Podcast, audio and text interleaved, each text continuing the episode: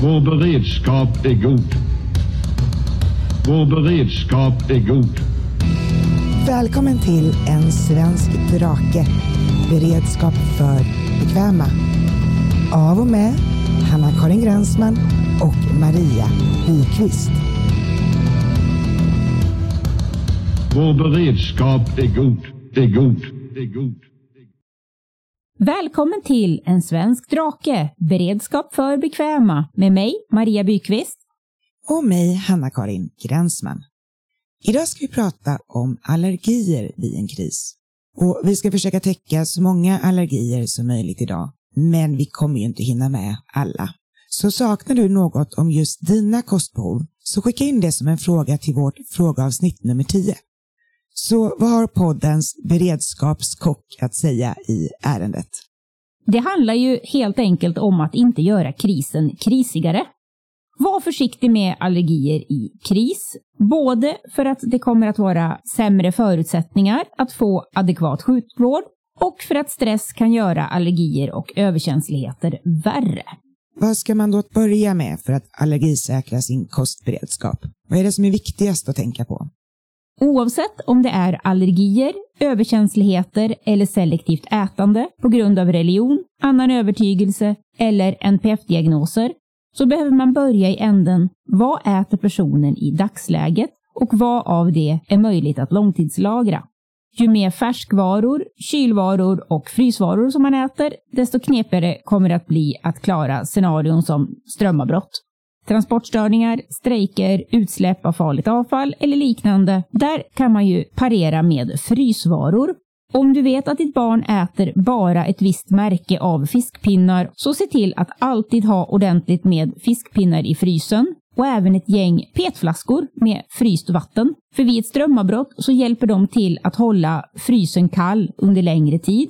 Ja, och många saker går ju att få samma smak på. Till exempel pannkakor. Det kan vi ju byta ut mot beredskapsplättar. Och det har jag ju redan testat tidigare i podden. Och just det receptet finns i Slottsdrakens beredskapskokbok.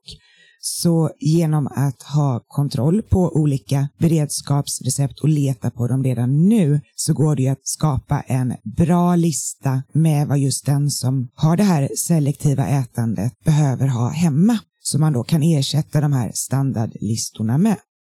Sen är det såklart bra att om man pratar med barnet och de kan tänka sig att prova någonting annat som går att laga av beredskapsvaror just för att säkra tillgången till mat i kris. Och vi vet om att det är svårt när ett barn äter selektivt. Det vet ju alla som har ett barn som äter selektivt. Men det är ett bra område att jobba på. Och även barn som inte äter selektivt. Att låta dem lite då och då få smaka på maträtter som är just gjorda som beredskapsmat så vänjer de sig vid smaken och då har vi bättre förutsättningar vid en kris. Ett av de besvärligaste allergierna att ha är glutenintolerans och veteproteinallergi. För där finns det inte så många bra alternativ, speciellt när det är i kombination med andra allergier som till exempel mjölk. De allergierna är ju också saker som det som har IBS reagerar på. Och de färdiga mjölmixerna, de innehåller ofta glutenreducerat vete som vissa inte tål och de kan även innehålla laktos för att vara lättlösliga i vätska. Så det är en sån här riktig lömsk grej.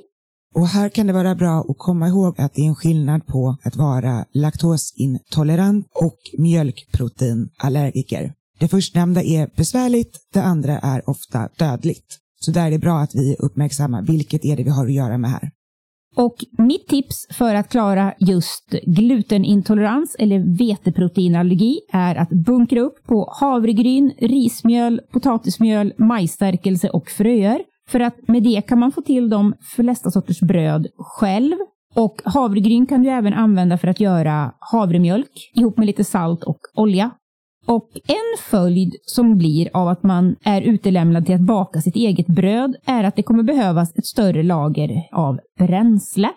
Och jag har tagit fram ett par olika brödrecept som är både utan gluten, utan veteprotein och utan mjölk och gjorda i huvudsak på svenska råvaror. Och det ska jag också ta och lägga upp på sociala medier under veckan.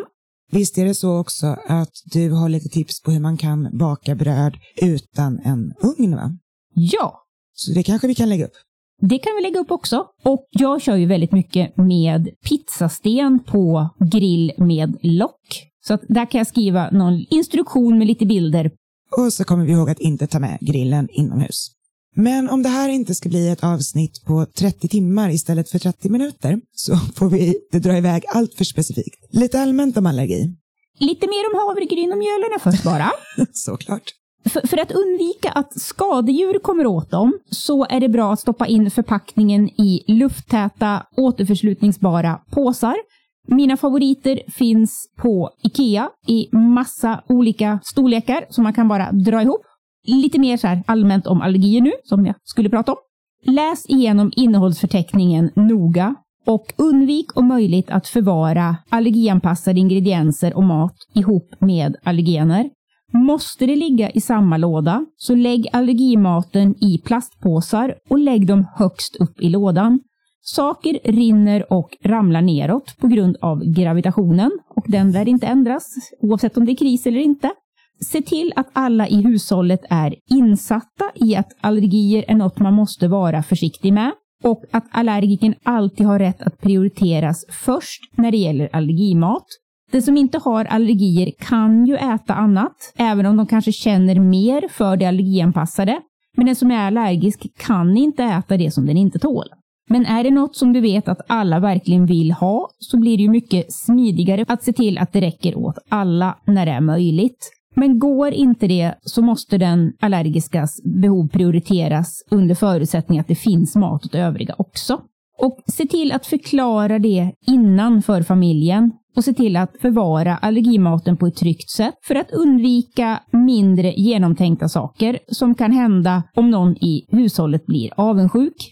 I kris tar vi inte de bästa besluten, även om man inte har problem med att reglera impulser i vardagen. Och naturligtvis barn. Barn tar verkligen inte alltid de bästa besluten.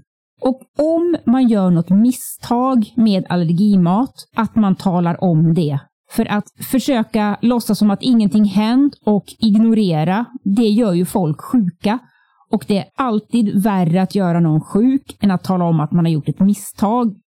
När det gäller tillagning för någon med en allvarlig matallergi så blir ju det såklart en utökad utmaning i kris. Ibland behövs det bara en liten mängd allergen för att framkalla en allvarlig allergisk reaktion. Så för att undvika kontaminering när du lagar eller förbereder mat så behöver du helt enkelt vara väldigt noga. Om du skär ost och sen kyckling så kommer kycklingen att få spår eller mera av mjölk.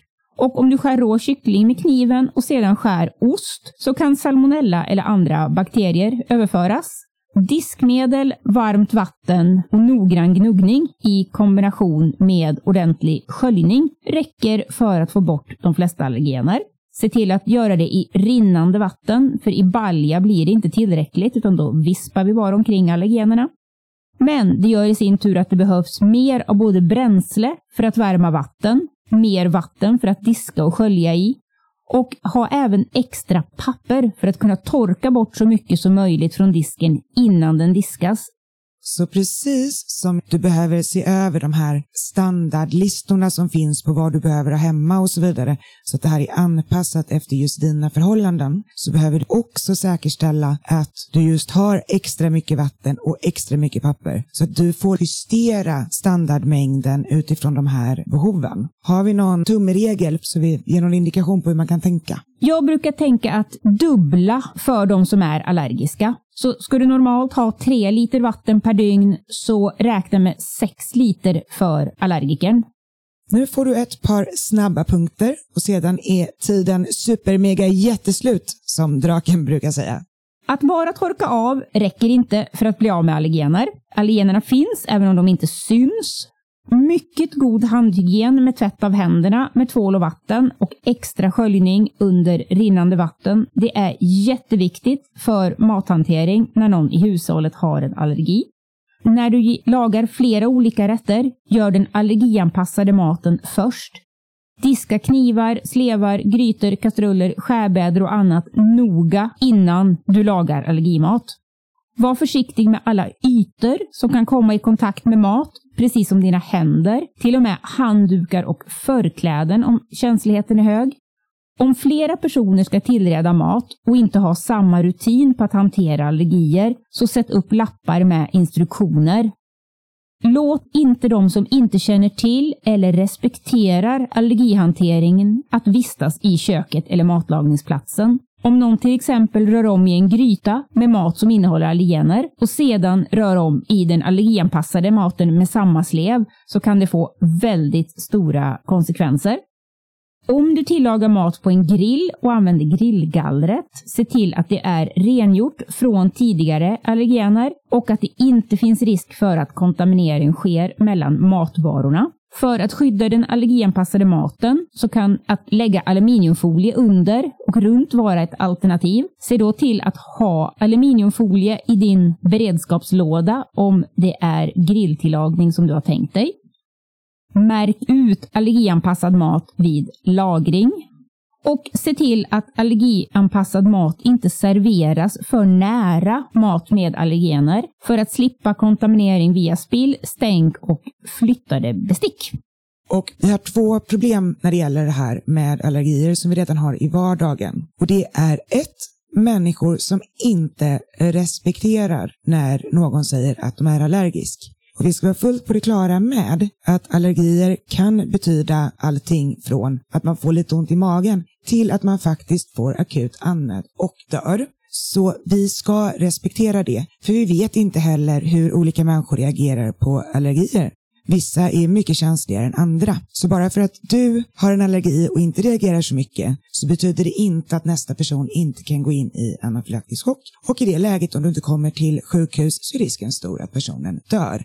Det andra problemet är att människor som inte vill äta mat av olika anledningar påstår att de är allergiska utan att vara det. Sluta med det, därför att ni bidrar till att människor inte tar allergier på allvar och därmed skapar de här farliga situationerna. Så om det är så att du inte vill äta den här tomaten eller den här kycklingen eller vad det nu än är för att du inte tycker att det är gott, var vuxen nog och säg att du inte vill ha det snarare än att hitta på någon allergi. Och naturligtvis, finns det allergier i hemmet, se till att ni har bra med allergimedicin hemma för att häva allergiska reaktioner. Vissa typer av allergimedicin är ju dessutom receptfritt som antihistaminer som man alltid bör ha hemma och för er som behöver Anapen, alltså adrenalinsprutor helt enkelt, se till att ha två stycken hemma. Det finns fortfarande alldeles för många läkare som inte ser till att ni har det. Så be om att ha två, för det kan rädda livet.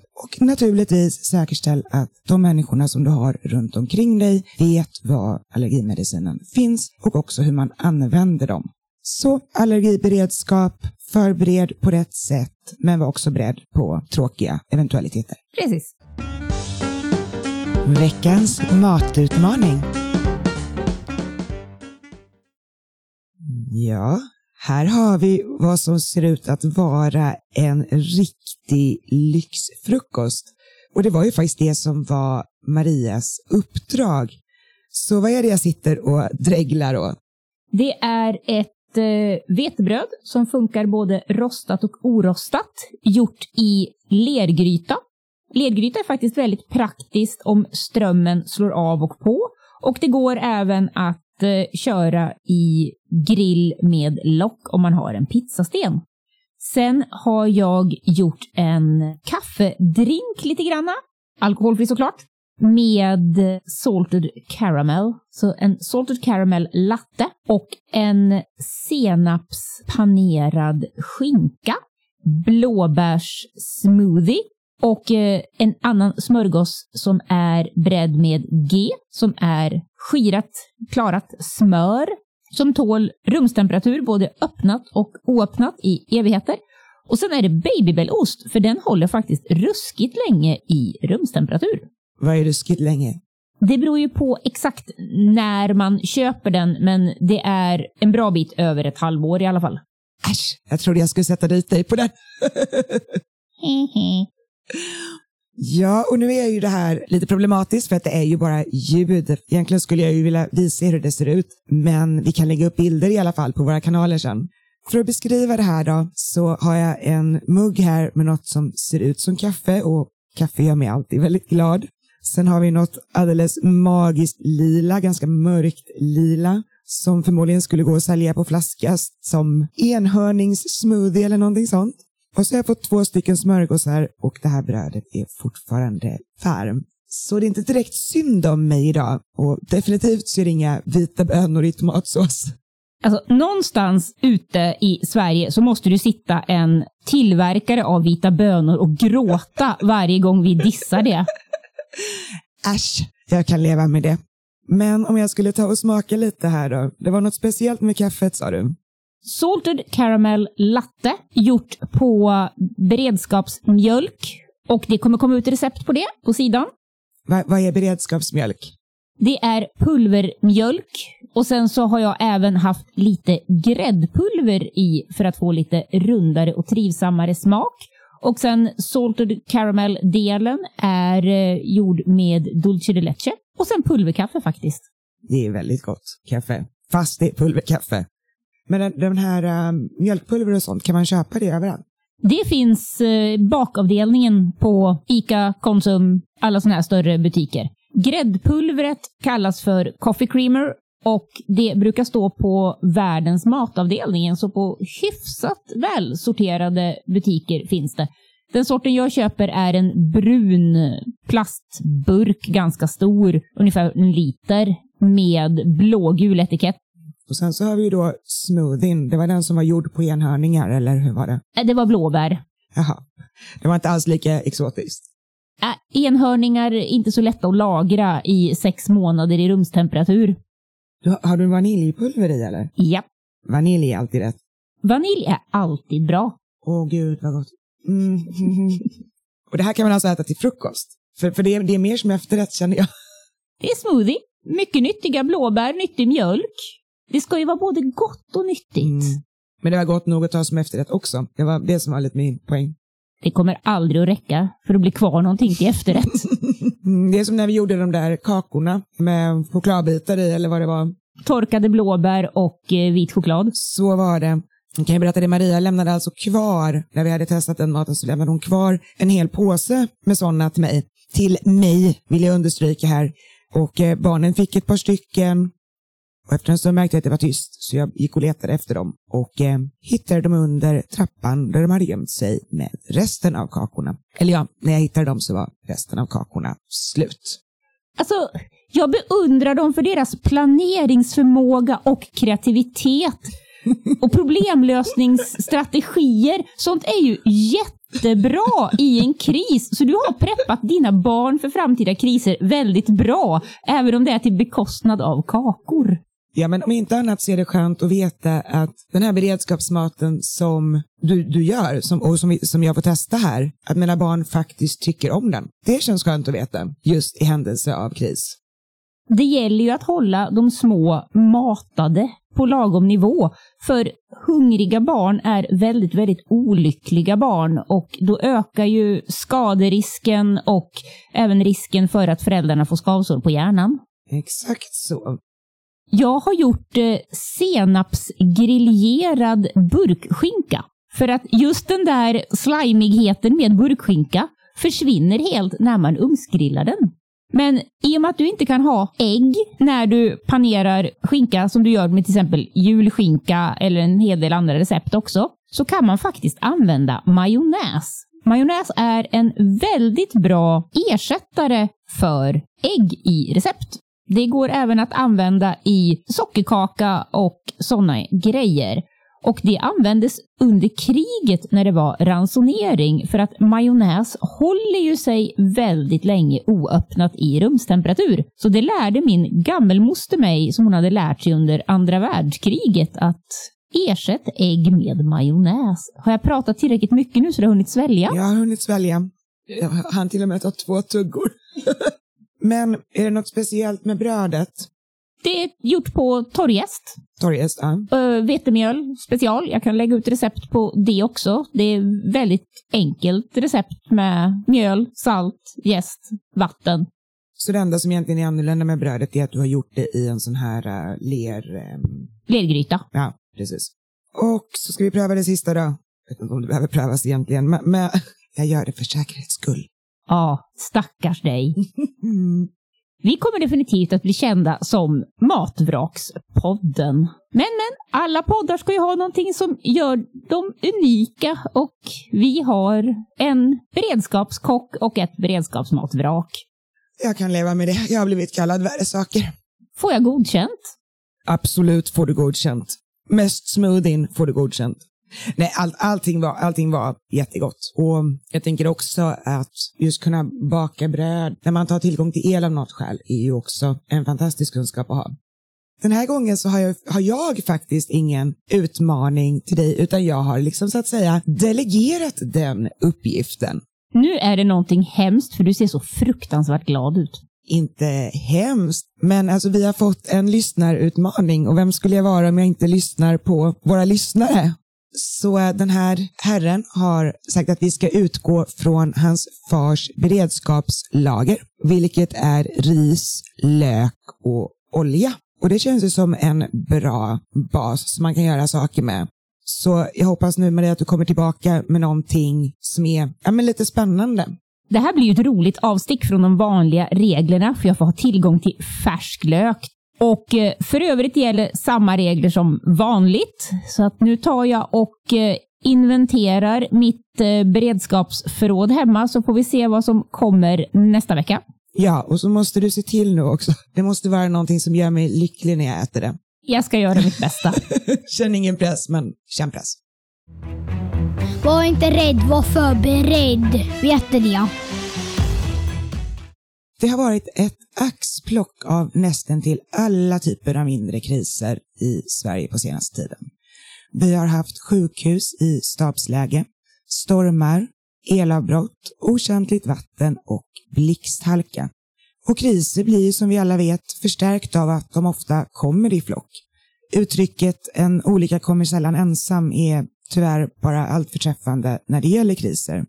Och det är naturligtvis svårare att förbereda sig för kombinationer av olika kriser. Men det går. Att vara redo och vara beredd är ju ledorden för alla former av beredskap och prepping. Men vad ska man egentligen vara redo för? Allt egentligen som sammanfattning. Om man lägger upp planer för alla eventualiteter och tänker tänk om och utifall att så kommer en hel del små mikrokriser i vardagen att försvinna. Och eh, när vi spelar in det här så var det nyligen ett längre strömavbrott i Stockholms innerstad. Och i Stockholm finns det elberoende kollektivtrafik. Och jag gissar att de som fastnade ett par timmar på tunnelbanan önskar att de hade kissat innan de åkte hem från jobbet.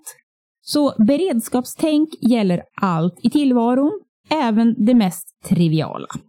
Och där är det ju även att när man fastnar länge och man har svårt att ta sig hem så gäller det ju att upprätthålla energinivåer, kanske speciellt då om man har barn med sig. För att vid elavbrott så är det inte heller säkert att det går att handla någonting i de närliggande butikerna. Och det är en sak att hantera sin egen trötthet för att man inte får i sig energi, hantera ett barns trötthet är naturligtvis mycket, mycket besvärligare. Och det är också så att har du inte tillgång till energi så kanske du inte orkar gå den där milen hem som det skulle röra sig om som du kanske hade orkat i andra fall.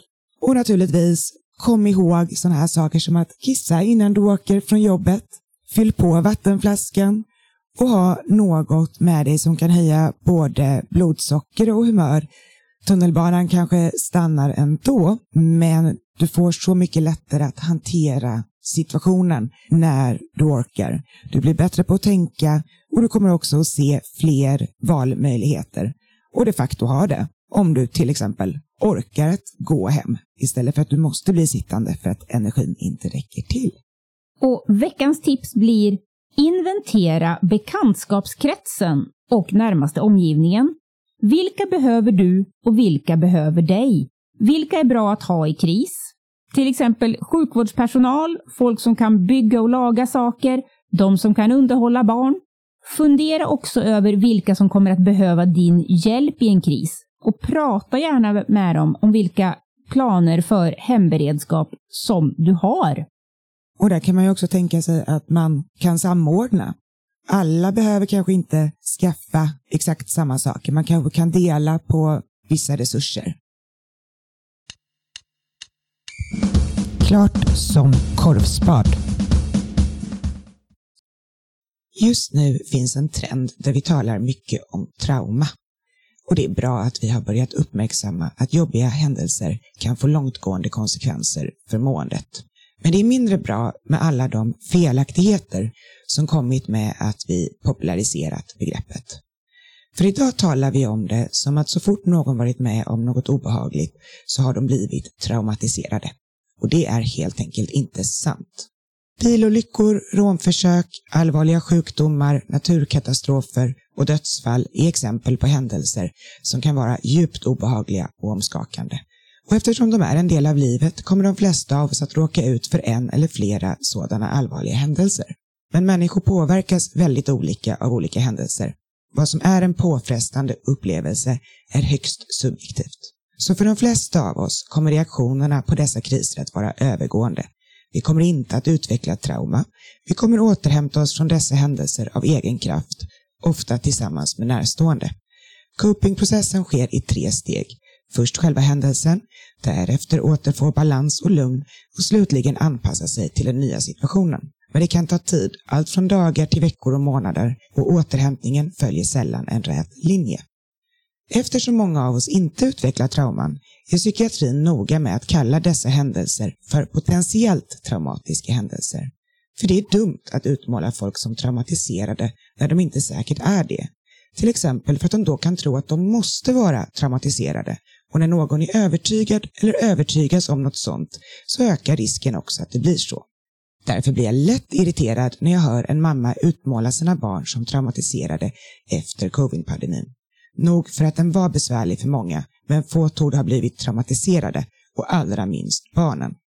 Och det barn eller vuxen som utmålas som traumatiserad riskerar att må sämre än vad de annars skulle ha gjort. Och det är själva motsatsen till det som vi förespråkar i den här podden. Att försöka få barnen och även vuxna att känna att det är lugnt och tryggt även när hela vardagen står på huvudet. Det finns motståndskraft som hjälper oss att hantera ett potentiellt trauma som en trygg livssituation med vänner och familj. Och har man möjlighet att prata med nära och kära om det som skett minskar risken att man blir traumatiserad. Tyvärr är det många som inte har det utrymmet. Det är inte många dagar sedan jag kramade om en gråtande väninna. Hon grät inte över det potentiellt traumatiska hon varit med om, utan över att hon inte kunde gråta hemma hos sin familj för att hennes man tycker att hon borde ha kommit över händelsen nu. Och det kan han såklart tycka. Men det är uppenbart dumt och skadligt att han hindrar henne från att uttrycka sina känslor. Speciellt om han vill att hon ska komma över vad hon upplevt snarare än att utveckla ett trauma. Tårar är inte farliga, men att känna sig oälskad och oförstådd, att vara tvungen att dölja sina känslor och trycka ner dem kan vara det. Jag uppmanar därför alla att inte utmåla människor som traumatiserade bara på den grunden att de varit med om potentiellt traumatiska händelser. Och jag uppmanar också alla att se till att ge utrymme och stöd till de som har varit med om potentiellt traumatiska händelser så att de kan bearbeta det och komma över det och därmed minska risken för att det blir ett trauma. Och slutligen så uppmanar jag också alla att vara försiktiga med hur man använder begreppet trauma. Ord betyder saker, de bör väljas med omsorg. Det har kommit mer drakpost. Faktiskt så kommer det så mycket drakpost till oss så att vi får inte plats med allting i podden längre. Så skriv roligt och ointressant så ökar sannolikheten att du kommer med. Eller skriv riktigt dumt. Men det här är definitivt inte ett dumt meddelande utan det här är något som faktiskt gjorde oss riktigt, riktigt både glada och stolta och lite rädda. Sjukt bra podd! Min klass fick lyssna på den på SO-lektionen. De blir smartare och jag får mindre jobb. Win-win. Min värsta beredskapsmardröm är att min dotters födelsedag kommer att någon gång hamna mitt i en kris. Hon är fyra år nu så hon har kommit till åldern då hon faktiskt bryr sig om att det är hennes födelsedag på en speciell dag. Kan ni komma med tips för att greja till ett barnkalas mitt i kris? Ett vanligt barnkalas brukar vara en mental kris, i alla fall för mig. Igenkänning. Och att få till det strömlöst är så nära den totala mardrömmen jag kan komma. Hjälp!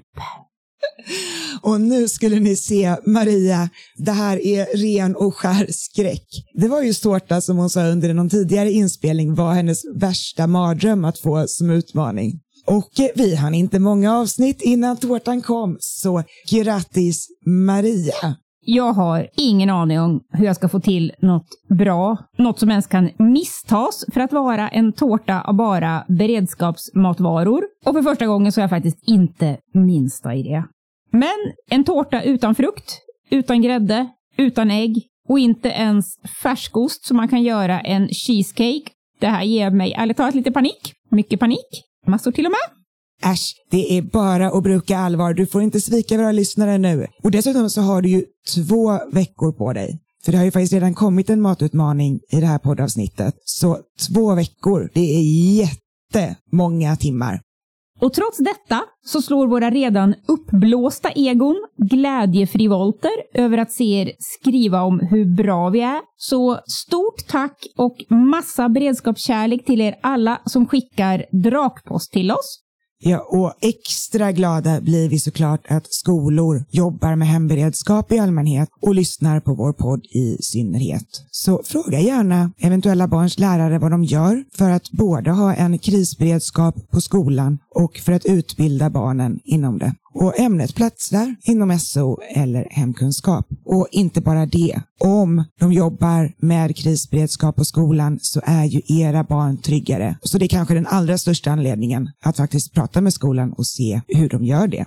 Det här avsnittet lider mot sitt slut, så glöm inte att avsnitt 10 är ett frågeavsnitt där vi ägnar oss helt åt att svara på era frågor. Så skicka in era frågor redan nu via Slottsdraken på Instagram eller Facebook. Kommande vecka blir det Nu drar vi! Ett poddavsnitt helt om vad som kan vara bra att veta och ha om man behöver fly hemifrån på grund av till exempel brand, översvämning eller när evakuering krävs på grund av annan kris. Det kommer dock fortfarande inte innehålla galenskap som att jaga ekorre med pilbåge, utan det blir lite mer sansat och bekvämt. Berätta gärna på sociala medier vad ni gör för beredskapssaker och tagga med Krisrusta Sverige så kan vi se hur Sverige stärker sin krisberedskap person för person. Vi är inte mer än 10 miljoner så att vi tänkte vi tar dem en efter en. Och som vanligt, tipsa familj, vänner och bekanta om podden. Ju mer beredskap de skaffar sig, desto mindre bekymmer blir de för dig. Och nu önskar vi en trevlig och förhoppningsvis väldigt krisbefriad vecka. Tjo! Du har lyssnat till En svensk drake, beredskap för bekväma, av och med Hanna-Karin Gränsman och Maria Byqvist. Besök Spotify för att inte missa ett avsnitt. Nya avsnitt varje söndag.